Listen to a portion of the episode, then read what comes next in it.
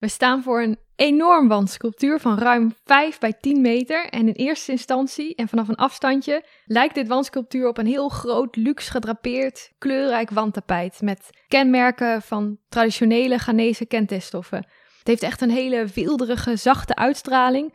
Alsof je voor een heel groot doek staat. Nou, en dan, dan doen wij samen even een paar stappen dichterbij. En dan zien we, hé, hey, het, is, het lijkt ook wel een soort mozaïek. En het blinkt en het schittert. Goud. En uh, misschien krijgen we wel associaties met de patronen in de schilderijen van Gustav Klimt. Ja, die texturen doen daar echt aan denken. Maar wel, wel van een bepaalde afstand, inderdaad. Want als we dan vervolgens met onze neus er bovenop gaan staan, dan ontdekken we: hey, het is helemaal gemaakt van aluminium flessendoppen. En gegroepeerd in allerlei kleuren. Gevouwen door de kunstenaar. Dus die flessendopjes zijn ook nog op een andere manier gevouwen soms. En dan is het allemaal aan elkaar geregen met koperen draad.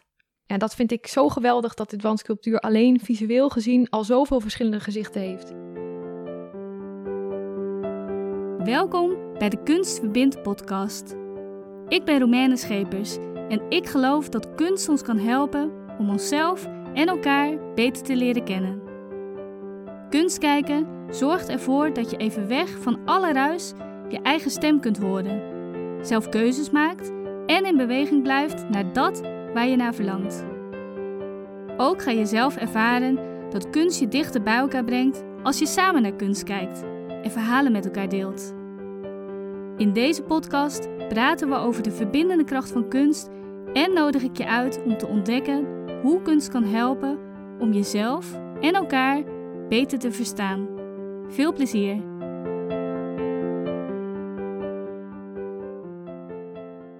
Vandaag is Sophie Kugel te gast, afgestudeerd als architect, maar hoe mooi is het om te horen hoe haar weg haar naar het museum bracht. Ze werkt momenteel voor opdrachtgevers als fotograaf voor kunst- en tentoonstellingen, maar droomt ervan om haar autonome werk met de wereld te gaan delen.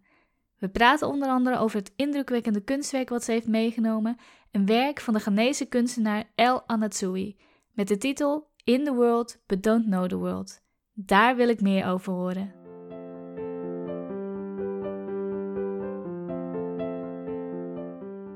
Kijken nu naar een beeld waar we jou ook op zien. Dus dat is heel fijn ook voor de verhouding. Maar volgens mij is het ook echt een heel groot kunstwerk, of niet? Het is echt enorm. Het is uh, heel monumentaal, heel groot en indruk indrukwekkend. De combinatie met die kleuren en texturen. Ja, dat verveelt dus eigenlijk nooit. Het heeft steeds een nieuw gezicht. Ja, ik vind het heel mooi hoe dat rood terugkomt op verschillende plekken. Dat knalt er echt uit. Dus er zit een bepaalde balans in verhouding in het schilder of in het wandsculptuur, maar ook weer een soort disbalans. En het is ook een beetje gedrapeerd opgehangen, dus het hangt ook een beetje over de, over de tentoonstellingsvloer. En dat vind ik ook wel heel mooi bij dit werk, dat, want ik ben heel erg aangetrokken tot schoonheid. Mhm. Maar schoonheid is natuurlijk ook iets subjectiefs. Daarbij is het ook altijd fijn als iets zo'n rauw randje heeft. Dus dat er net iets niet klopt, of net niet in balans is, of net niet in verhouding, of niet symmetrisch. En dat vind ik precies goed gedaan bij dit werk. Er zitten plooien in, het hangt een beetje over de, over de tentoonstellingsvloer. Dat heeft de kunstenaar ook zo expres um, geen aanwijzingen gegeven hoe het moet worden opgehangen. Dat mogen de curatoren ook bepalen per ruimte hoe dat past. Dat vind ik ook heel mooi, dat, je, dat ze, hij ook iets overlaat aan degene die het opbouwt. Oh, wauw. Bedoel je dan ook echt dat dat geplooide, dat het dus niet in elk um, museum hetzelfde eruit zal zien? Dus dat mensen, dat, de curatoren dat zelf kunnen bepalen hoeveel plooien... Zo heb ik het een beetje begrepen. Ik weet niet zeker of die plooien aan de, aan de wand vast zijn, zeg maar. Maar ik weet wel dat het sowieso zo is met hoe ver het over de grond hangt. Er zit ook nog een heel verhaal achter. Ja, hij heeft eigenlijk niet zomaar iets dat is weggegooid, dus restmateriaal of afval, dus die, uh, die flessendoppen, verandert in iets moois. Maar achter die hele esthetische ervaring zit een dieper verhaal. Het verwijst namelijk naar bredere onderwerpen, zoals wereldwijde consumptie en de geschiedenis daarvan. En het Stedelijk Museum die schrijft daarover dat het hergebruik van alledaagse producten, Anatsui daarmee een verbinding tot stand brengt met de mensen die die materialen hebben aangeraakt ooit. Hmm. Ja, die, die flessendoppen dragen dus allerlei verhalen met zich mee. En alcohol, want het komt natuurlijk van drankflessen, dat heeft, is ook een metafoor voor een geschiedenis vol onderdrukking en machtsverhoudingen. Het werd namelijk in de tijd van de slavernij gebruikt als ruilmiddel. En zo symboliseren die flessendoppen eigenlijk ook een ja, koloniale uitwisseling en tegelijkertijd ook het samenbrengen van de geschiedenis van verschillende continenten. Dus het wandsculptuur staat op die manier ook voor een eeuwenlange culturele verbondenheid. Ja, ik vind dat heel mooi dat dit werk, dat heb ik al vaker, ik vind het, ik vind het mooi als een werk een boodschap heeft, als je voelt dat dat uit de kunstenaar komt, dat dat bij die, bij die persoon hoort. En dat het eh, los van die boodschap ook al heel indrukwekkend is. Dus stel je zou er nooit achter komen waarom hij flessendoppen heeft gebruikt. Dat mysterie is eigenlijk ook al genoeg. Je voelt wel, daar zit iets achter. Maar de titel uh, is weer helemaal, ja, dat, dat grijpt je eigenlijk ook al meteen aan of zo. Ja, je, ehm, je merkt in die titel dat er iets, dat daar ook een heel verhaal achter zit, inderdaad. In the world, but don't know the world. Dus onderdeel van de wereld, maar ook weer niet. Het is echt een, het is een, wereld, een wereldsculptuur. Ik begon exposities te fotograferen zonder vooropgezet gezet plan, dus puur uit interesse en enthousiasme. Dat komt uh, voordat ik bouwkunde ging studeren in Delft. Heb ik een jaar autonome beeldende kunst in Groningen gedaan. Oh, de kunstacademie, ja. Oh, wat grappig. Ja, maar omdat ik nog heel erg op zoek was, besloot ik toch te kiezen voor de architectuur. Dat is ook een soort kunstvorm natuurlijk. Maar helaas werd ik tijdens mijn master ziek, wat er eigenlijk voor heeft gezorgd dat ik weer terugkeerde naar de kunst. Daardoor moest ik een pauze nemen van een aantal jaren uiteindelijk om te revalideren en de juiste medicatie te vinden. En in die tijd was het best wel hectisch, maar ben ik zoveel als ik kon ja, galerieën en musea gaan bezoeken. Want daar werd en word ik nog steeds ja, heel gelukkig van. Je hebt, als je ziek wordt, dan, dan ga je echt terug naar waar je heel gelukkig van wordt. En dat klinkt dan oppervlakkig misschien. Van ik ga gewoon doen waar ik heel vrolijk van word en heel gelukkig. Maar het is zo belangrijk. En het is ook zo'n cliché, hè. Maar als mensen ziek worden of ineens word je je bewust van je eigen sterfelijkheid, om het maar even heel theatraal te zeggen. Dan denk je echt, oké, waarom omring ik me niet met dingen die mooi zijn? En dingen waar ik, waar ik emoties bij voel. Dat voelde ik zo sterk toen. Ja, ik ging dus een jaar de kunstacademie doen in uh, Groningen. En toen zijn we naar Kassel geweest, naar de tentoonstelling Documenta. En daar zag ik ook heel veel verschillende soorten hedendaagse kunst. Maar daarna ben ik dus, heb ik dus toch gekozen om bouwkunde te gaan studeren. En toen is het wel een beetje naar de achtergrond verdwenen. Want iedereen is daar ook heel erg geobsedeerd met architectuur, logisch gezien. En dan bezoek je veel meer architectonische dingen en je hebt het ook gewoon zo druk. Dus toen is het wel een beetje naar de achtergrond, verdwenen. Maar pas uh, toen ik ziek werd, toen ging ik echt weer veel, uh, veel musea bezoeken. Al deed ik het ook altijd wel met Rob hoor, op reis. Kan me ook voorstellen dat je daar echt al voelde dat jaar van... hé, hey, dit vind ik wel heel interessant of, of dat doet iets met je. Heb je daar dan nog heel lang over getwijfeld, over die keuze dat je weer toch bouwkunde fulltime je daarop ging storten? ik heb uiteindelijk niet heel lang getwijfeld, omdat ik dacht, als ik bouwkunde ga studeren, dan, dan word ik opgeleid tot architect, maar dan kan ik altijd nog kunstenaar worden. En dat idee heb ik nog steeds eigenlijk, omdat je dan heb je een net andere achtergrond misschien dan als je de kunstacademie hebt gedaan, maar dat kan ook wel interessant zijn. En dat was mijn idee daar ook over. Want soms heb ik wel het gevoel, en dat heb ik ook tijdens mijn studie bouwkunde wel gehad, ik ben iemand die helemaal niet goed gaat op regels. Ja, ik doe het echt helemaal op mijn manier. En heel erg op kleur gefocust. Binnen de architectuur is het ook veel zwart, wit, grijs. Het gaat heel erg om vorm. Dan, dan over kleuren en texturen. Maar ik was daar eigenlijk altijd al heel erg mee bezig. En ik moet ook denken aan een project dat we deden. En toen moesten we een grote industriële ruimte moesten we opdelen. Dus daar moest je eigenlijk een soort van uh, ja, ruimtes in maken. En dat was vlakbij het Textielmuseum, dat was in Tilburg dacht ik, het is wel heel interessant om zo'n stad waar textiel altijd ook een belangrijke rol speelt, om daar textiel voor te gebruiken. Dus dan had ik bedacht dat je in zo'n grote industriële ruimte, dat je daar grote kleden hang, ophangt en dat die eigenlijk de ruimte ja, opdelen. En toen zei die docent, dat was een gastdocent, die zei, ja, maar dat is geen architectuur. En toen dacht ik, hè, maar wie bepaalt dat dan? Oh, ja. en, en moet dat dan een betonnen muur zijn? En achteraf gezien, denk ik, want ik was toen helemaal uit het veld geslagen. Maar achteraf denk ik, misschien uh, challengede hij mij mm. wel, weet je wel. Dat hij probeerde van, goh, wat, uh, dat je daar ook een beetje tegengas op moet geven. Ik ben ook wel aangetrokken tot bijna decoratie. Of van mij mag, mag het allemaal wel veel kleur hebben en, en texturen. En daar moet je natuurlijk wel ook een reden voor hebben in de architectuur. Dus je moet vertellen waarom je daarvoor kiest. Je kunt niet zomaar En dat snap ik ook wel, want dan gooi je er een sausje overheen. Uh-huh. Maar wat ik zo fijn vind aan kunst is dat je iets wat je gewoon van binnenuit voelt, dat, dat moet eruit. En dat kan niemand dan aan twijfelen. Het is minder toegepast. Het, het past helemaal bij jou als persoon. Ja. Die vrijheid, dat, dat heb ik nodig. Maar ik denk dat je dat als architect ook kunt vinden. Dan moet je gewoon eigenwijs genoeg zijn. Maar als je nog jong bent, dan ben je nog onzeker en zoekend. En dan weet je het allemaal niet precies. Ja, en dan is, ik kan me ook voorstellen, alles is dan nieuw. Dus dan zuig je eigenlijk alles op wat je aan informatie te leren krijgt van docenten of mensen waarvan je denkt, oh ja, die hebben heel veel ervaring. Dus dat hoor je dan allemaal aan. Maar op een gegeven moment kan ik me ook voorstellen dat je gewoon wel een patroon ziet van, oké, nou, dit is hoe het eigenlijk altijd ging. En eigenlijk zou ik dit, dit mis ik of zo in dit hele stukje. Ja, ja, en op een gegeven moment vind je ook wel docenten, vooral tegen een beetje het einde van je studie.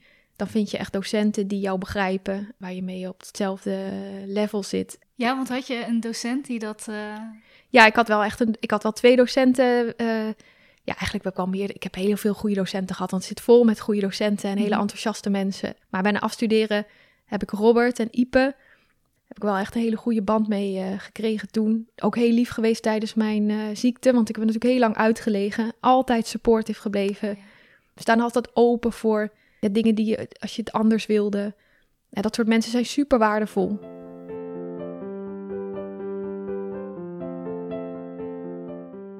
Ik ben uiteindelijk afgestudeerd bij Explore Lab. En dat is een eh, afdeling binnen de master eigenlijk, waarbij je je fascinatie verder ging uitzoeken.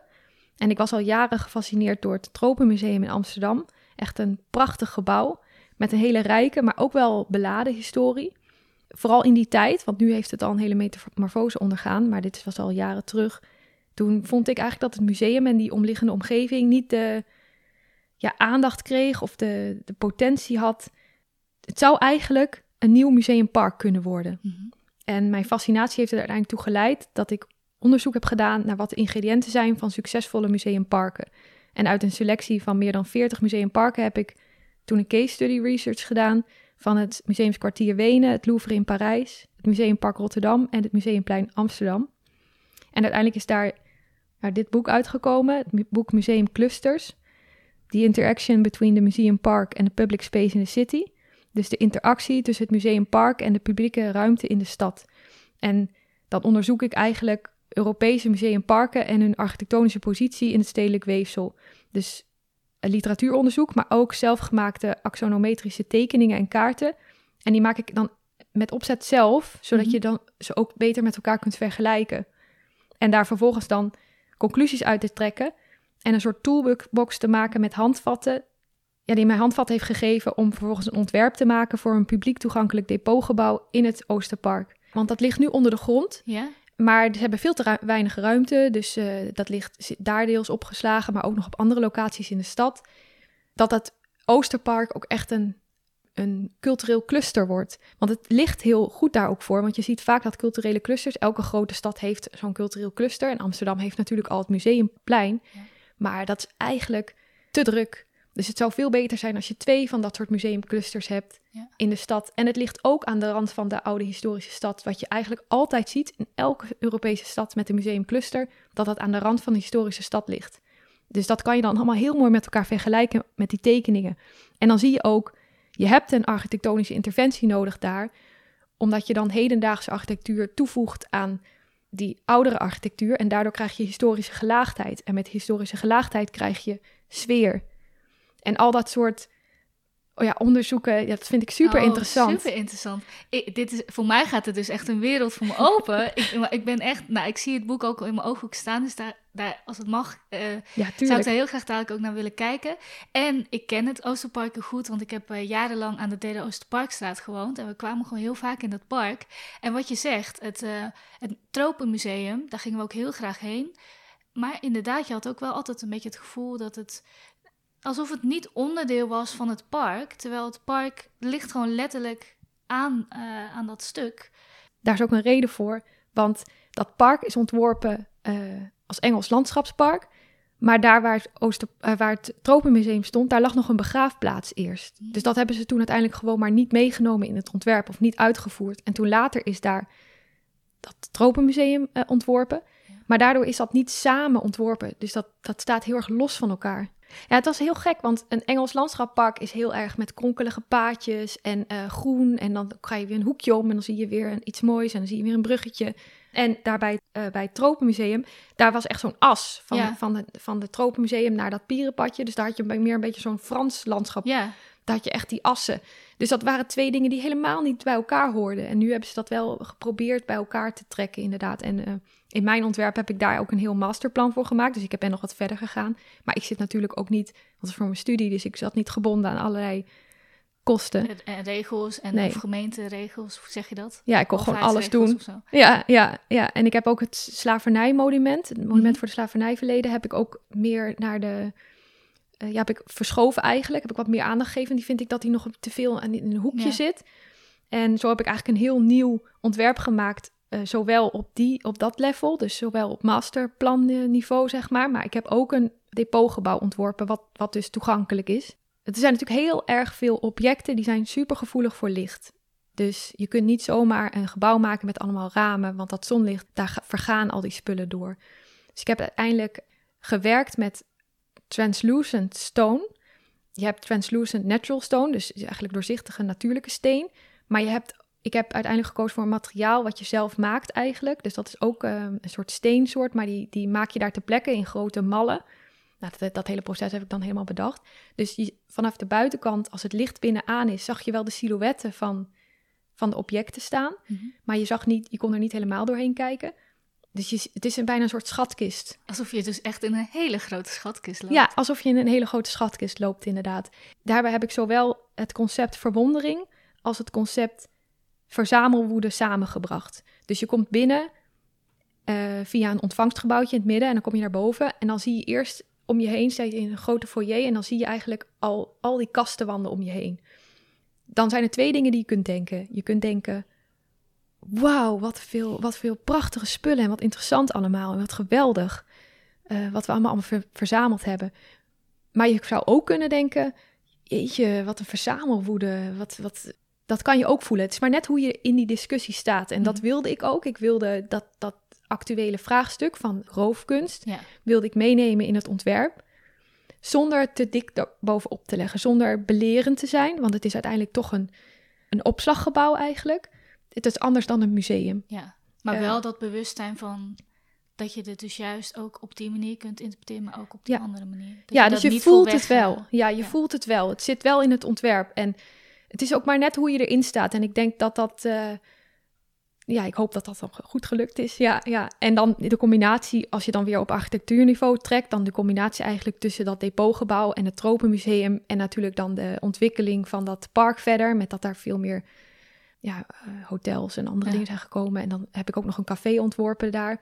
Dan krijg je gewoon een hele levendige cultureel cluster eigenlijk. Ja, Ja. prachtig. En ook een, een depot. Ik denk voor veel mensen, ja, die zijn zich of niet van bewust waar dat dan nu allemaal, hoe dat allemaal eh, gaat. En dat, dat krijgt dan eigenlijk ook een heel mooie aandachtspunt of zo.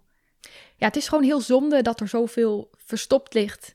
Ehm, wat, wat, er, wat is natuurlijk met heel veel musea zo. Maar ik weet dat bij het Tropenmuseum is dat wel extreem. Er is gewoon zoveel. Ja. En er wordt natuurlijk ook, dat is ook wel leuk, want het is een flexibel depotgebouw. Dus eh, ik heb het zo ontworpen dat als er weer heel veel kunst wordt teruggegeven aan de landen waar het, waar het eigenlijk vandaan komt, wat, Mhm. wat best wel een optie is natuurlijk, dan kan dat ook. Want het is heel flexibel ontworpen. Dus Het is niet opeens zo... Moet Dat het leeg is. Ja, precies. Dat Ja. ik me moet voorstellen, oh, nu zijn er weer eh, 40 kunstwerken teruggegeven. Dat je opeens een heel leeg stuk hebt of zo. Nee, precies. Het is eh, op die manier heel flexibel. Dus het is op een bepaalde manier opgebouwd. Ook met, eh, ja, met hout. Dat heb ik een heel. Ja, dat is wel een heel eh, verhaal waar ik in kan duiken. Maar dat zal ik nu niet doen. Ik ga sowieso die titel delen, want ja, mensen, ik weet niet of het eh, ehm, ehm, te vinden is, echt openbaar is, of moeten mensen dan via jou... Ja, ik denk als je het intoetst op Google, Museum Clusters, dan dat je, dat je het wel op Delft Repository ziet. Ja, het is eigenlijk ook gek dat ik hier nooit veel over heb verteld. ja, ook niet ik over Instagram. Ik denk echt, wauw, dit is zo interessant. Eh, ook, ik voel me daarin namelijk echt een leek. Maar ik vind het super interessant. Want, en maar ook gewoon die denkwijze die je daarover hebt, over ook beladen onderwerpen. Want je weet dat het daar is. En je weet dat daar echt wel een bepaalde lading op ligt, op is. Hoe zeg je dat? Ja. En dat je daar zo ook helemaal dat terugbrengt naar een ontwerp. Ja, dat vind ik heel intrigerend. Ik denk, wauw. En ik denk de reden dat ik het nog helemaal niet echt heb gedeeld, behalve dat ik wel heel trots was dat ik was afgestudeerd, maar niet inhoudelijk over heb gedeeld, is omdat het zo'n groot onderwerp is en er zoveel over te vertellen is, dat ik dan niet weet waar ik moet beginnen, om dat dan in een Instagram-post te delen. Ja. Daar heb ik, dus dan denk ik, oh, dat doe ik later nog een keer op een andere manier, of misschien ja, maar misschien is dit dan wel een mooie Misschien manier om te mooi vertellen. startpunt. Ja. Ja. dit is gewoon een startpunt. Want hier kunnen we gewoon niet alles in vertellen. Maar eh, ja. Ja. ik kan me wel voorstellen dat dit ook gewoon voor jezelf een soort startpunt is. En je, je, je hebt ook je onderzoek heb je afgerond. En ja, ik, ik ben heel erg benieuwd. Dat laten we gewoon open, want dat Ja. is gewoon nu een open road die, waar mensen je ook in kunnen volgen. En is het ook zo dat je, daar ben ik dan ook benieuwd naar, want dit, ga- dit onderzoek gaat ook echt heel erg over musea, waar kunst te zien is. Ja. En je, en je vertelde ook al van tijdens mijn studie, nou ja, ben ik ook echt, ehm, is kunst ook echt een, heeft een hele belangrijke rol gespeeld in mijn leven. Komt dat denk je daardoor? Of, of had je toen je aan je studie begon al een moment gehad van, oh ja, maar ik wil echt iets met musea gaan doen? Bij bouwkunde is de master duurt twee jaar. Dus het eerste jaar doe je allerlei projecten. Schrijf je ook een scriptie. En dan het laatste jaar dan doe je een onderzoek, maak je een onderzoek en je maakt een ontwerp. En dat is best wel, dat is een jaar, of nou ja, het is eigenlijk een half jaar lang, maar ik heb er uiteindelijk veel langer over gedaan. En toen werd ik ziek. En toen nam ik dus verplicht, of ja, er kwam, ontkwam ik niet aan dat ik een pauze nam. Ja. Wat eh, uiteindelijk veel langer duurde dan ik, dan ik wilde. Maar toen ging ik dus heel veel musea bezoeken. Toen kwam ik op deze fascinatie, die ik eigenlijk al wel een beetje speelde in mijn hoofd, maar die toen steeds sterker werd. En toen ging ik eigenlijk gelijktijdig werken aan zowel het vastleggen van al mijn museumbezoeken en dat allemaal documenteren, als dit onderzoek. Elke keer dacht ik, oh, nu ga ik mijn studie afmaken. Ik ga me daar weer helemaal op focussen. En dan gebeurde er weer iets. Dan kreeg ik weer een, eh, ja, zo noemt, je noemt dat dan een shoep of een lazy bij, ehm, bij MS. En dan, dan moest ik daar weer van revalideren. En dan, dan, duurt, dan stond dat alles weer on hold. Maar eigenlijk staat ontwerpen nooit pauze. Dus je bent altijd bezig in je hoofd. Dus daarom is het ook zo'n enorm boek geworden. Want ik heb natuurlijk jarenlang de tijd gehad om Ja. daarover te denken. En je werkt daar toch stiekem, ook al, ook al zeg je... oh, ik ben nu niet aan het afstuderen, ik sta pauze. Je werkt er toch aan door. Ja. En, ehm, dus het heeft elkaar heel erg beïnvloed, inderdaad. En ook versterkt dan. Ja, klopt. En het is, het is inderdaad zo dat je het tijdens al je museumbezoeken ga je ook kijken. Goh, hoe, eh, hoe pakken zij dit aan met het, de manier van tentoonstellen? Want dat ontwerp je natuurlijk eigenlijk ook. Ja. Niet super gedetailleerd, want je blijft altijd een beetje op het architectonische niveau. Dus ik, ik neem niet de rol van een tentoonstellingsontwerper Nee. aan. Maar je kijkt wel heel erg van hoe, hoe is dit allemaal ontworpen. En bijvoorbeeld tijdens het onder, doen van het onderzoek van ehm, die museumparken. En toen had ik ook het onderzoek gedaan naar het museumskwartier in Wenen. Ja. Toen gingen Rob en ik ook naar Wenen. Oh, echt? Heel bewust? Had je dat gepland en dat je dat wilde zien? Of, eh, Ja, ik wilde het wel ja, echt ja. zien. En we liepen daar rond en het was alsof ik alles al kende. Want ik had alles Hmm. getekend. Ik had alles al helemaal uitgetekend. Dus ik wist precies de weg. Ik wist alles. Ik wist precies... En dat was zo gek. Het was net alsof je in je eigen project rondliep. Oh, maar dat was omdat ik natuurlijk helemaal had uitgeplozen al.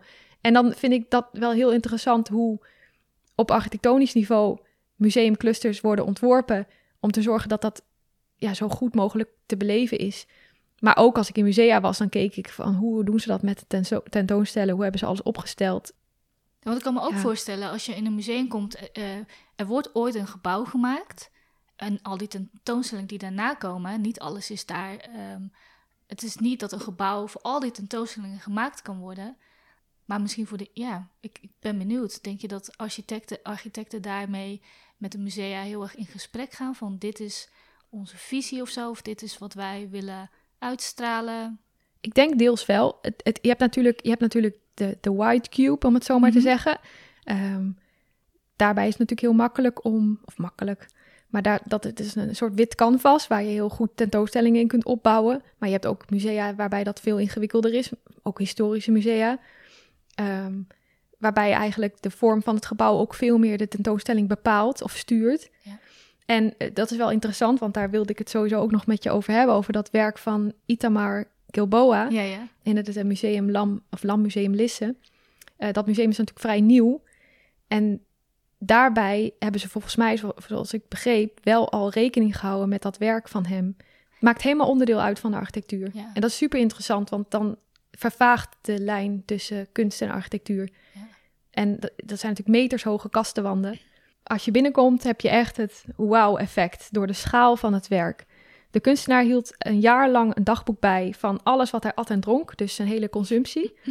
En eh, dat resulteerde uiteindelijk in een sculptuurinstallatie genaamd de Food Chain Project. Meer dan 8000 etenswaren, allemaal uitgevoerd in porselein. 8000? Ja, ja. Wauw. En het zijn echt rijen vol met eieren, saus, bloemkolen, patatjes, mayonaise, nou enzovoort. Het is dus, zoals het museum zelf omschreef, een soort dagboek, een soort zelfportret in porselein.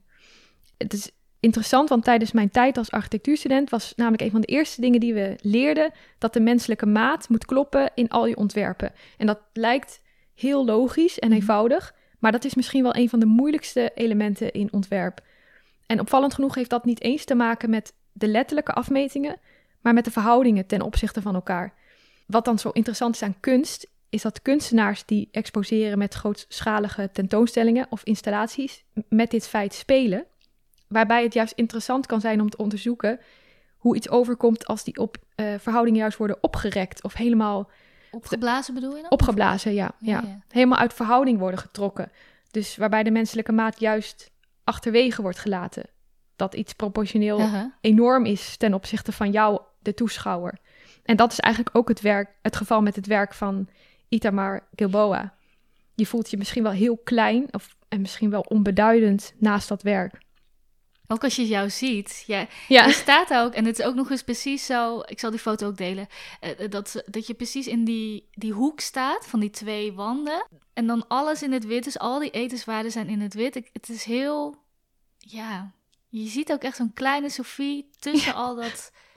ja je eten. kunt daar ook inderdaad op foto's heel mooi mee spelen, mits je dus een schaalmodel toevoegt. Ja. En dat ben ik dan op dit Ja. eh, moment. Eh, want dan zie je de grootsheid inderdaad van zo'n... eh, en, de, en de impact van zo'n grote installatie. Ik ben dat ook steeds meer gaan waarderen. Dat, ja, dat samenkomen van de kunst en architectuur. Dit is echt een aanrader ook voor mensen om heen te gaan, dit museum. En heb jij ook andere musea? Want je zegt, ik kijk altijd wel echt met een architectenbril als je in een museum bent. Is er voor jou een museum wat er echt uitspringt? Dat je denkt, ja, daar moeten mensen echt heen gaan. Ja, ik, ik moet eigenlijk dan meteen denken toch aan het Guggenheim Museum in eh, New York. Ben je daar geweest? Ja, daar ben ik geweest eh, twee, jaar, ja, nou, ja, twee jaar geleden alweer bijna. Ja, door corona is alles ineens Ja, ja. al veel langer geleden dan je denkt. Sowieso niet afgelopen jaar. Nee, nee. ja, ik had het natuurlijk al uitgebreid bekeken, ook tijdens mijn studie. En het is een museum waarbij je via een helling eigenlijk in een eh, spiraal naar boven of naar beneden loopt. En, en dan aan de zijkanten hangen dan alle werken. En soms heb je ook wel dat je nog eh, zalen die dan aan de zijkanten nog eh, zijn toegevoegd in kunt. En dat is natuurlijk heel bijzonder, die, die spiraalvormige, dat spiraalvormige ontwerp. Dat is zo iconisch. En ik vond het heel bijzonder om daar te zijn, want het is al best wel een, een wat ouder gebouw. Mhm. Dus je voelt ook wel, de wc was heel klein. Ja, dan kijk je als ontwerper toch naar zo'n heel klein wc'tje, ergens dan in zo'n hoekje. En dat je echt dacht, oh ja, dit is echt al, al lang geleden ontworpen. Maar hoe ja, baanbrekend moet dat zijn geweest in die tijd? Echt geweldig. Eh, Was dat echt een bestaande helling? Of hebben ze dat eigenlijk door die, dat ontwerp van dat eh, gebouw... Ik heb het gevoel dat ik een hele podcast over, over Ja. Dit is echt super interessant. Maar is, is die helling, zeg maar...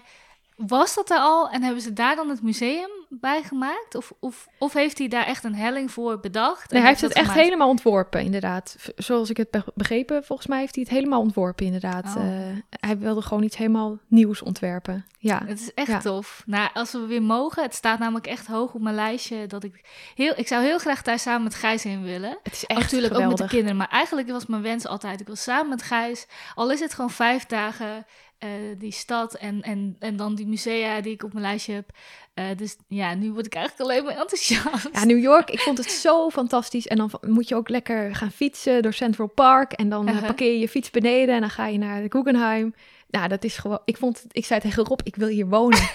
ik vond het echt heel geweldig. Ja, ja, ja. En ik, het, helaas was het... eh, MoMA was dicht, Mhm, want er was een verbouwing. Ja. Maar dat, eh, daar ben ik... Want ik ben al een keer eerder in New York geweest met mijn moeder en zusje. En toen was het eh, wel open. Dus daar ben ik ook toen geweest. Maar dat schijnt nu nog veel geweldiger Mm. te zijn, nu de, het verbouwd is.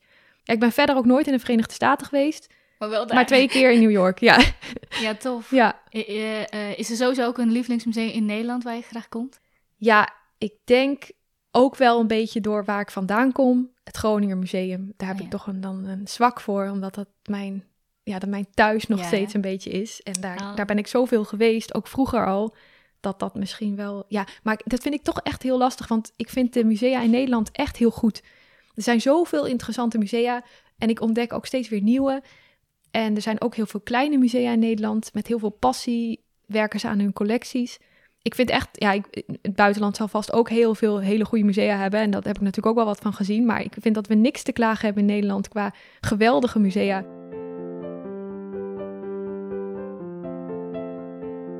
Ik had nog uren kunnen praten over kunst, architectuur en Sophia blik op dit alles. Maar er staat ook nog een prachtig verhaal te wachten bij een kunstwerk van haar vader. Voordat we daarover gaan praten, is het tijd voor een creativity break. Je kunt het kunstwerk bekijken in de speciale Facebook Kunstverbind podcast community of op Instagram. Doe gezellig mee.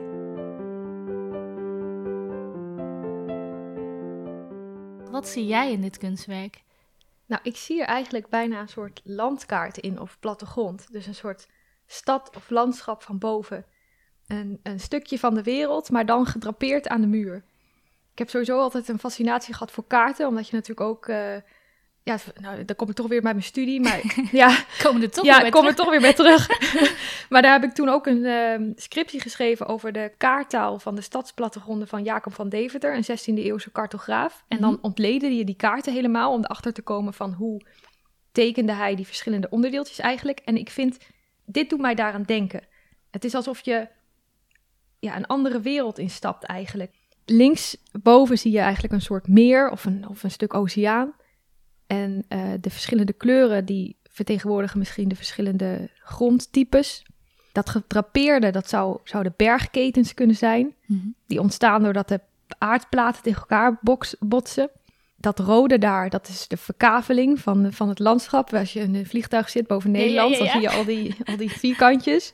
Daar doet mij het echt heel erg aan denken. En misschien zie je wel een stukje stad of een dorp.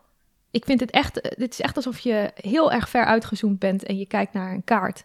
Een landschap, daar doet het me eigenlijk aan denken. Ja, prachtig. En, en ook wel weer tof dat het juist dan weer jou terugbrengt naar ja, je opleiding. En het, het lijkt of een cirkeltje rond is. of Ja, zo. op een bepaalde manier wel, hè? Ja, Ja. ja.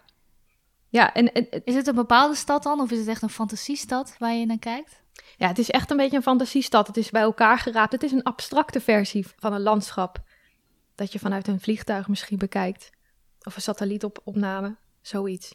Maar dat, het past ook wel weer mooi bij het hele betekenis van het werk natuurlijk. Dat hij met die flessendoppen eigenlijk verschillende continenten ook in verbinding met elkaar wil- wilde brengen. Ja. En dit is natuurlijk ook zo uitgezoomd dan als ik daar een landschap of een landkaart in zie. Ja, het is, het is Je echt kan er echt naar blijven kijken. ja, je kan er echt naar blijven kijken. En het is ook zo moeilijk om het in woorden te vangen. Het is echt iets wat je, ja, je moet gewoon zelf kijken. Ja, Ja, toen ik er naar keek, ik zag sowieso dan... Ik weet niet of dat nou altijd gebeurt. Gebeurt maar heel vaak. Dan zie ik daar opeens gezicht in. Dus ik zag daar in het linker stuk, dus waar jij dat meer omschreef... in dat gele stuk zag ik dan echt een gezicht die echt naar jou kijkt. In het midden zag ik ook een hele wijs iemand. En dan rechts, dat was meer iemand, een soort van circusartiest of zo... maar die echt het hele vrolijke en het, het speelse aan toevoegde. En toen ik nog langer ging kijken, toen had ik het gevoel alsof dat kunstwerk in een soort van drie delen, uit drie delen bestond. Waarbij het, het linker gedeelte meer ging over het ontstaan van het leven. En dan in het midden, dat was het leven. Want ik zag daar dan ook al die kronkels en een beetje die ja, golfjes of zo in. Oh ja. En dan rechts was meer het, het, eh, ja, het, het einde vind ik dan zo tragisch klinken. Want ik, ik vind dat heel integrerend, ook het einde van het leven. Van ja, hoe voel ik me op dat moment? En het was voor mij heel geruststellend dat daar dus zo'n circusartiest stond... die me toch wel een beetje... Oh, wat grappig dat Eh, jij er eh, allemaal in ziet. Dat is dus ja. zo persoonlijk. Ja, Ja, ja, want ik kijk er inderdaad op een heel... Ik zie, dat, ik zie dat helemaal niet. Maar nu je zegt, zie ik die drie delen, zie ik er wel Ja. heel erg in. Ja. Oh, dat is leuk dat jij mij nu ook weer anders naar dit werk laat kijken.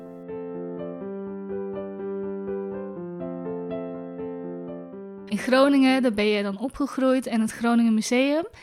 Ik ben ook heel benieuwd, ging jij vroeger naar musea? Ik bijvoorbeeld helemaal niet, maar hoe was dat voor jou? Ja, ik ben zeker opgegroeid met kunst. Ehm, we gingen, ja, ik kan mij niet meer het eerste museumbezoek herinneren, maar wel nog twee vroege museumbezoeken. Ja. Ehm, en eentje was in het Groninger Museum. En ik heb geprobeerd op te zoeken nog voor je kwam welke, welke expositie dat was, maar ik ko- kom er niet meer achter. En ik weet wel dat we met mijn familie daar waren, dus ik denk, mijn oom is schrijver en die ging Mhm. daar spreken. Dus ik denk dat het iets te maken had, misschien met Anton Corbijn of Herman Brood, ik weet het niet precies, maar ik, het maakt eigenlijk ook niet uit. Ik liep met mijn vader aan de hand door de museumzalen en op een gegeven moment kwamen we in een zaal terecht en zoals ik me herinner, waren er allemaal video-installaties van blote mensen. En dat was echt ook op hun geslachtsdeel ingezoomd. En mijn vader zei, oh, ehm, nou, misschien moeten we nu even doorlopen naar de volgende zaal. Nou, dan ga je natuurlijk juist kijken. Ja. En Hoe toen, oud was je toen? Ja, dat weet ik niet Oh, meer, maar nee. ik denk wel heel wel jong. Ja. En, want in principe als je jong bent, dan is bloot is gewoon bloot. Maar ik voelde wel dat er meer achter zat. En ik dacht, jeetje, dit is dus ook kunst. Hmm. En dat vond ik wel een eye-opener, want daarvoor was kunst gewoon een schilderij aan de muur. En nu zag ik, kunst is heel breed. Ja, dus dat was, dat was wel even een binnenkomer, zeg Ja. maar, voor mij. Dat je, eh, maar je bent als kind, voel je wel al heel snel, oh ja, dat is dus heel veel dingen kunnen dus kunst zijn. Ja. Dat vond ik wel interessant. En het tweede museumbezoek wat ik me nog heel goed herinner, en dat denk ik dat het museum voor valse kunst in Vledder was, in Drenthe. Mhm. Ging je En- daar toen ook met je familie heen? Ja, ook met mijn familie, met mijn vader en moeder en mijn zusje. Daar hingen allemaal werken naast elkaar. En dan eh, moest je steeds raden welk werk vals was. Dus welk Ah. werk vervals was, niet echt was. En dat is wel leuk, want het is natuurlijk ook heel actueel nu. Eh, er staat ook zo'n eh, documentaire op Netflix, Made You Look. En dat gaat over een galerie in New York die echt jarenlang, volgens mij 20 jaar lang, voor in totaal 180 miljoen aan vervalste kunst heeft verkocht. Onder andere Rotko's en zo. En die werken blijken nu dus niks waard te zijn. Wat heel interessant is, want het werk is nog steeds hetzelfde. Ja. Het is even mooi, om het zo maar te zeggen. Het is alleen niet gemaakt door degene waarvan we dachten dat het gemaakt was. En dan is het blijkbaar niks meer waard. Wat je ook doet denken, waarom, wat maakt kunst waardevol? Maar daar moesten we dan steeds raden, wat is de, de vervalsing? En ik had alles goed. maar dat kwam, toen zei die man ook van, goh, jij bent hier wel eh, goed in, hè? Maar ik had al snel ontdekt dat een bepaalde van die werken had een stickertje, had net een andere kleur. Dus ik Hmm. speelde vals. Wat dan wel weer past bij een museum voor vervalsingen. maar dat vond ik ook heel interessant toen. Omdat, eh, omdat ik toen ook al dacht: goh, maar die vervalsingen zijn ook heel goed. Die zijn eigenlijk bijna niet te, on- te onderscheiden van het echte werk. Ja. Het is natuurlijk een hele interessante discussie. ja, zeker. Want je kunt er nog steeds ehm, ja, een bepaald gevoel bij krijgen. Of kan een bepaalde houvast zijn voor je op zo'n moment als je dat ziet. Ja. En dat je wel aantrekt. Ja, het is natuurlijk nooit goed als je dingen kopieert. Alleen eh, het kan wel hetzelfde gevoel van schoonheid of van, Ja, van emotie oproepen. En eh, is je, want jouw vader nam je dan mee en je ging met je familie daarheen. Is je Ja. vader iemand die je dat eigenlijk heeft, ja, daar heeft geïntroduceerd? Ging hij vroeger zelf, weet je dat? Of hij naar een museum gaan, dat hij daarmee is opgegroeid en dat aan zijn kinderen ook. eh, Ja, mijn, mijn vader en mijn moeder trouwens ook eh, hielden enorm van kunst. En mijn vader hield ook enorm van schilderen en tekenen. mhm. En schrijven trouwens. Ehm, maar hij wilde ook altijd naar de kunstacademie, maar hij vond zichzelf eh, niet goed genoeg. Totale onzin natuurlijk. Van tevoren had hij al bedacht, ga me niet opgeven. Ja, hij dacht, ik ben niet goed genoeg, dus dat ga ik niet doen. En toen hij ziek werd, want mijn vader is eh, bijna twintig jaar geleden overleden. Mhm. En een groot deel van mijn jeugd is hij ook ziek geweest. En pas toen hij terminaal ziek werd, toen ging hij eigenlijk weer doen wat hij al die tijd dus voor zich uit had geschoven, namelijk schilderen en schrijven. Wat je natuurlijk wel vaker ziet bij mensen, dat je dan toch terugkeert naar wat je echt wil. Ja. Eh, blijkbaar heb je daar iets, iets voor nodig wat je helemaal door elkaar schudt. Ja. En dat heb ik zelf ook op een bepaalde mate ook wel even gevoeld. Bij... Ja, want je, zei, je, je gaf het net ook al aan, hè, toen jij een moment had tijdens je studie, ja, dat je eigenlijk weer teruggrepen, heel natuurlijk dan wel, ehm, naar de kunst. Ja. ja, dus ik denk ook wel dat je... Ja, het is gewoon een heel erg cliché, maar je, je gaat echt terug naar, naar ja, je, je intrinsieke motivatie, om Ja. het zo maar te zeggen. En voor En- je vader was dat dus de schilderkunst Ja. en het schrijven. Ja, en hij, ehm, hij werkte aan dit, aan dit werk. We hebben hier nu in de woonkamer staat een schilderij dat hij heeft gemaakt. Maar daaronder zit een ander werk, waar hij maandenlang aan heeft gewerkt. En elke keer als mijn zusje en ik uit school kwamen, dan zagen we gestaag de voortgang. Het was een, eh, de haven in Groningen, heel gedetailleerd, echt prachtig. Totdat hij op een, plotseling op een dag kwamen we thuis en toen had hij het helemaal echt woest overgeschilderd. Ik denk dat in dit nieuwe werk dus alle frustraties en emoties zitten die hij destijds voelde. En daarom vind ik dit nieuwe werk ook zo krachtig. Het is heel snel geschilderd, ja, woest, een, een Gronings omgeploegd kleilandschap. Hij heeft zand door de verf gemixt, Mhm. zodat het heel dik op het doek kan worden gesmeerd. En je ziet sneeuw ook op de bevroren grond. Een eh, woeste donkere lucht. En mijn zusje die moest dus heel erg huilen toen ze dit zag, want die was nog een heel klein meisje en die begreep echt niet waarom je iets waar je heel erg lang met heel veel passie en precisie aan had gewerkt, dat je dat zomaar kan vernietigen. Maar ik begreep, Heeft hij dat uitgelegd toen? ja, maar hij heeft het wel geprobeerd uit te leggen aan haar dat, dat hij, dat, hij dat, dat hele precieze gewoon niet meer kon en dat hij wilde. Ja, je voelt dan een bepaalde wanhoop, die hij trouwens nooit aan ons liet zien hoor. Mhm. Maar die wilde, die wilde dan knallen met verf. En ik denk dat ik iets ouder was. Ik begreep het al ietsjes beter. Ik was ook nog heel jong, maar mijn zusje die, die, die vond dat wel echt moeilijk. Ja. ja, dat was bijna een beetje traumatisch voor haar. Dat ze dacht, hè? Maar ja, de wetenschap dat dat andere werk hier ook nog onder zit... maakt het werk voor mij ook wel extra bijzonder.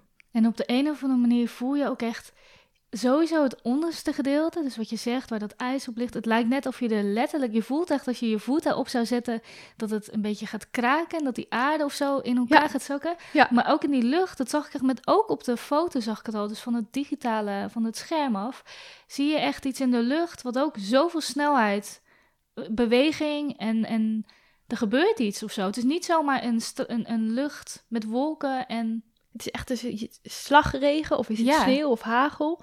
Je ziet een heel klein beetje kleur ook wel door, de, door het grijs heen. Dus kleine accenten van een heel klein beetje blauw. Maar voornamelijk heel, ja, een heel kleurloos werk. Echt een Gronings landschap. Ja, ik vind het, ik vind het een heel bijzonder werk. En, en hier zit veel meer emotie in dan in dat werk dat eronder zat. Ook al was dat werk wat hieronder zat veel preciezer en heel ja, natuurgetrouw, zeg Aha. maar. Ook prachtig hoor. Maar ik snap, ik snap het wel. Ik snap wel dat je op een gegeven moment, je wil, ja, je, En- zit, hier zit de emotie in. Ja. Hier- dit is een emotioneel kunstwerk. Ja. En ehm eh, jouw vader is overleden en eh, ik, ik neem aan hij heeft niet alleen dit geschilderd. Er waren misschien meerdere kunstwerken die hij dan... eh, Had hij een... Hoe zag jullie huis eruit? Waren er veel werken van zichzelf of had hij een atelier?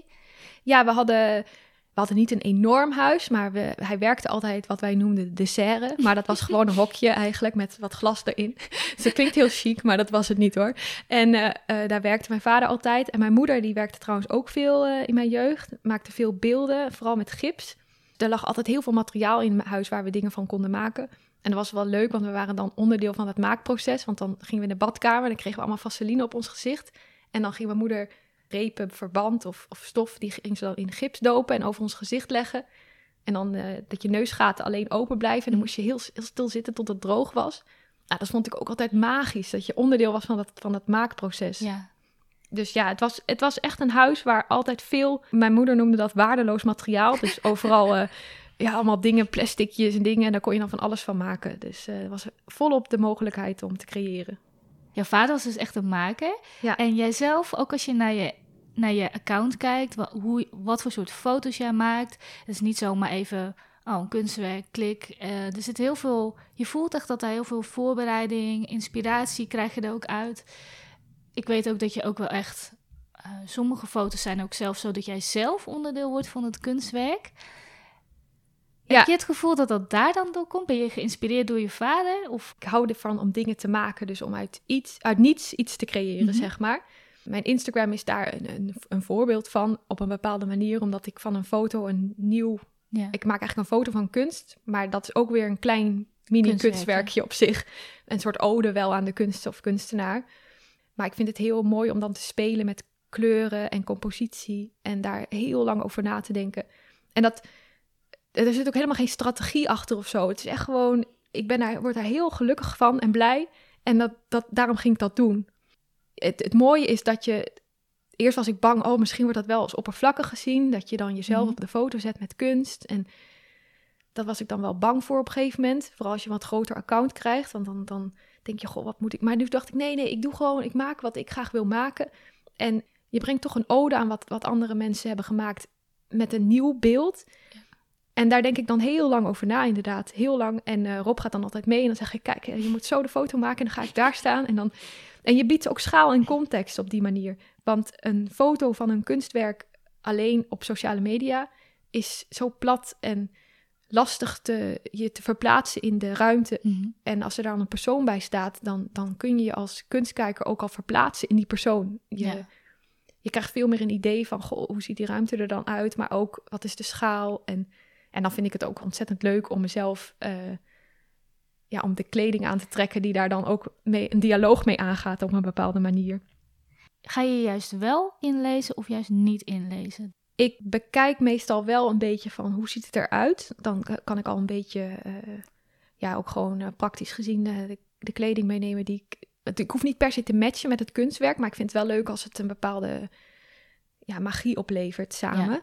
Dus ik, ik lees me soms wel een beetje in. Kijk, soms zijn het bepaalde onderwerpen en dan is het gewoon niet geschikt om daar vrolijk mee op Ja. de foto te gaan. ja. Dus ik lees me wel een beetje in, want dat is toch wel een beetje afhankelijk. Als het een heel zwaar onderwerp, dan ga ik daar niet vrolijk bij op de foto. Dus ik lees me wel een beetje in.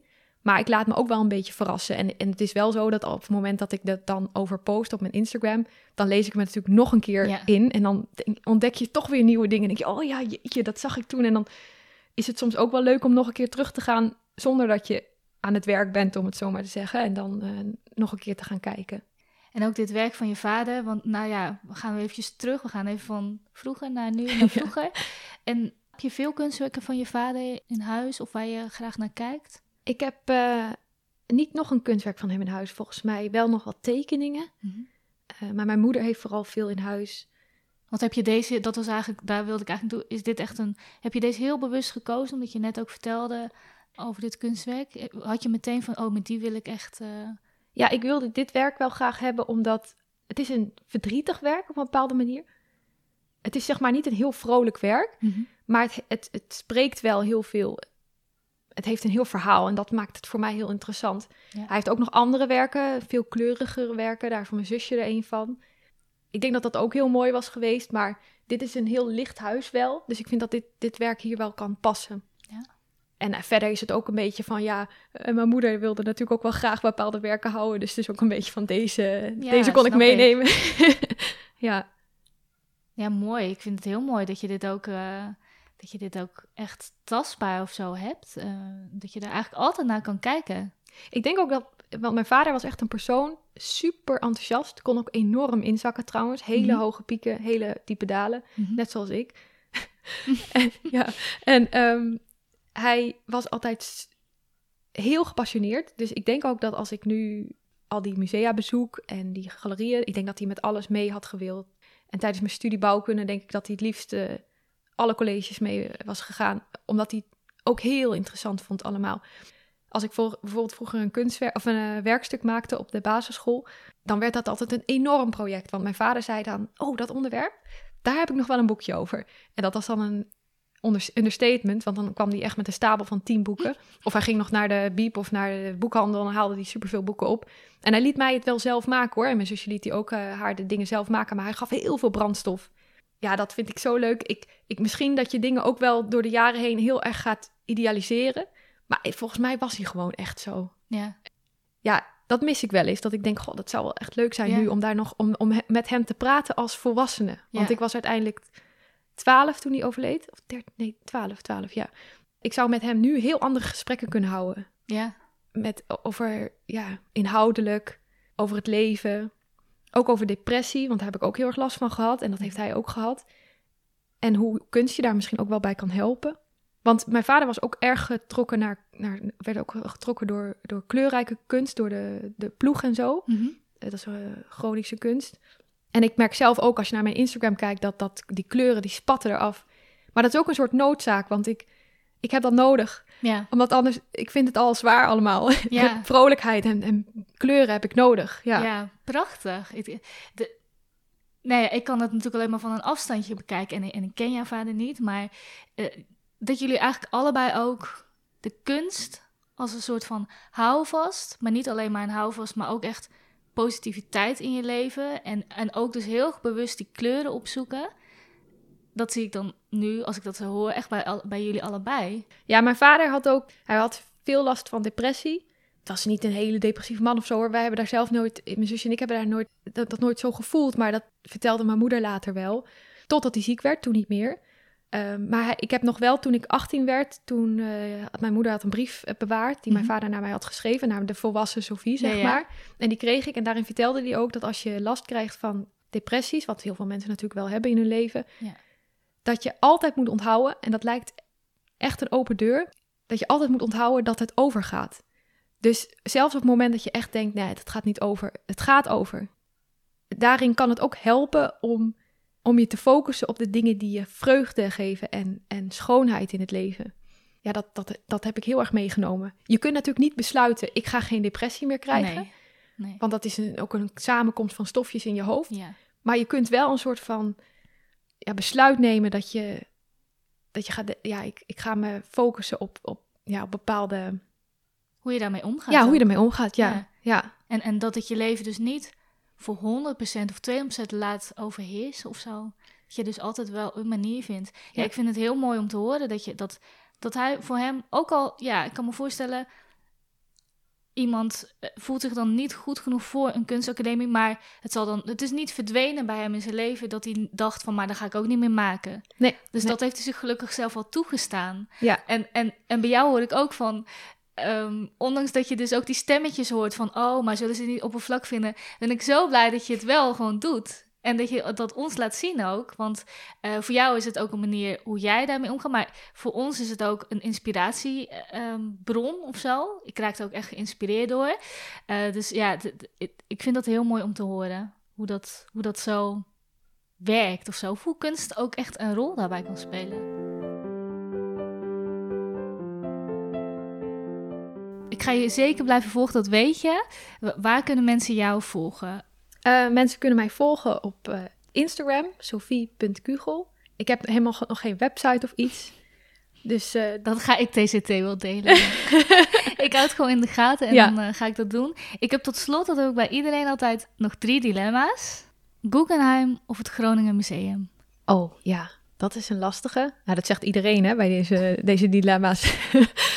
Dan ga ik toch voor het Guggenheim. Nou, nou, ik wou zeggen, ik ga voor het Guggenheim omdat het een omdat de architectuur bijzonderder is. Maar dat is natuurlijk eigenlijk helemaal niet zo. Want de architectuur van het Groningen Museum is ook heel bijzonder. Van Mendini. Ja, dan ga ik, dan ga ik toch voor het Groningen Museum. Want dan kies ik toch voor mijn... eh, Maar dit is een, dit is een moeilijke. ja, ja, dan kies ik toch voor Groningen, omdat dat, daar ben ik opgegroeid. En dat is natuurlijk al een heel bijzonder museum in die stad. Dat heeft die hele stad ook echt een boost gegeven toen dat werd gebouwd eh, eh, aan de overkant van het station. Was natuurlijk ook weer heel veel mensen waren er tegen, want het was heel uitgesproken met al die kleuren. Maar dat is altijd zo met die dingen. En dat met de Eiffeltoren die werd gebouwd. Iedereen vond het vreselijk. Maar dat vind ja, nee, dan ga ik toch voor het Groningen Museum. Ja. En ja, we hebben het er eigenlijk helemaal niet over gehad, maar ik ben wel benieuwd. Museum of galerie? Ik ga toch voor, nou, ja, toch voor een museum. Omdat ik het mooi vind als er wat meer werken kunnen worden laten zien en daardoor een heel verhaal kan worden verteld. Nou, dat is trouwens soms ook wel in een galerie. Maar daar is soms ook niet alle plaats voor. Het mooie van een galerie is natuurlijk weer dat je ook werk kunt kopen. Dus het is wat toegankelijker wat dat betreft. Maar aan een museum, wat ik in een museum heel mooi vind, is dat er echt lang wordt nagedacht hoe het hele verhaal kan worden verteld en wat het thema is. Ja, dus dan kies ik nu gewoon voor een museumbezoek. Maar is- eigenlijk, eigenlijk kan ik niet kiezen. Nee, het is ook niet zo dat nu, de, als iemand van de galeries luistert, het is absoluut niet zo dat je nu... Maar die worden allemaal Je- heel boos nu nee, natuurlijk. want je komt, er hartstikke, je komt er hartstikke graag. En, en de laatste die ik voor jou heb, als jouw droom uit mag komen, je allereerste museum ontwerpen, dus niet alleen dat het bij een afstudeerproject blijft, maar dat die ook echt, dat we daar dadelijk echt als bezoeker kunnen rondlopen, of je allereerste kunstwerk van Sophie Kugel te zien in het Groningen Museum. Dan kies ik toch voor het kunstwerk. Omdat ik denk dat dat ook het pad is wat ik ga belopen, om het zo maar te zeggen. Je weet het niet. Misschien ga ik nog wel bij een architectuurbureau werken. Maar ik denk dat ik kunst ga maken. Ook nog autonomer, want nu maak ik natuurlijk foto's. Maar dat is toegepast, dus het is een ode aan andere kunstenaars. Maar ik vind het ook nog wel heel leuk om... eh, ik heb ook allerlei projecten al in mijn hoofd natuurlijk. Focus, focus is altijd lastig. Dus dan kies ik toch voor die tweede, ja. Supermooi. Ik Ja. wens je echt super veel geluk en fun erbij. En, Dankjewel, houd ons op dankjewel. de hoogte. Ja, en heel veel dank dat ik hier aanwezig mocht zijn. Ik vond het heel spannend, maar ook heel leuk. Super. Dankjewel. Bedankt voor het luisteren. Wil je verder meepraten en connecten met andere luisteraars? Dat kan in de speciale Facebook Kunst Verbindt Podcast Community. Hier vind je ook alle kunstwerken uit deze aflevering. Tot slot ben ik ook onwijs nieuwsgierig. Laat een review bij deze podcast achter en vertel wat je uit deze aflevering meeneemt. Abonneer en volg deze podcast en ontvang als eerste een bericht als het volgende kunstwerk op jou staat te wachten. Tot de volgende keer.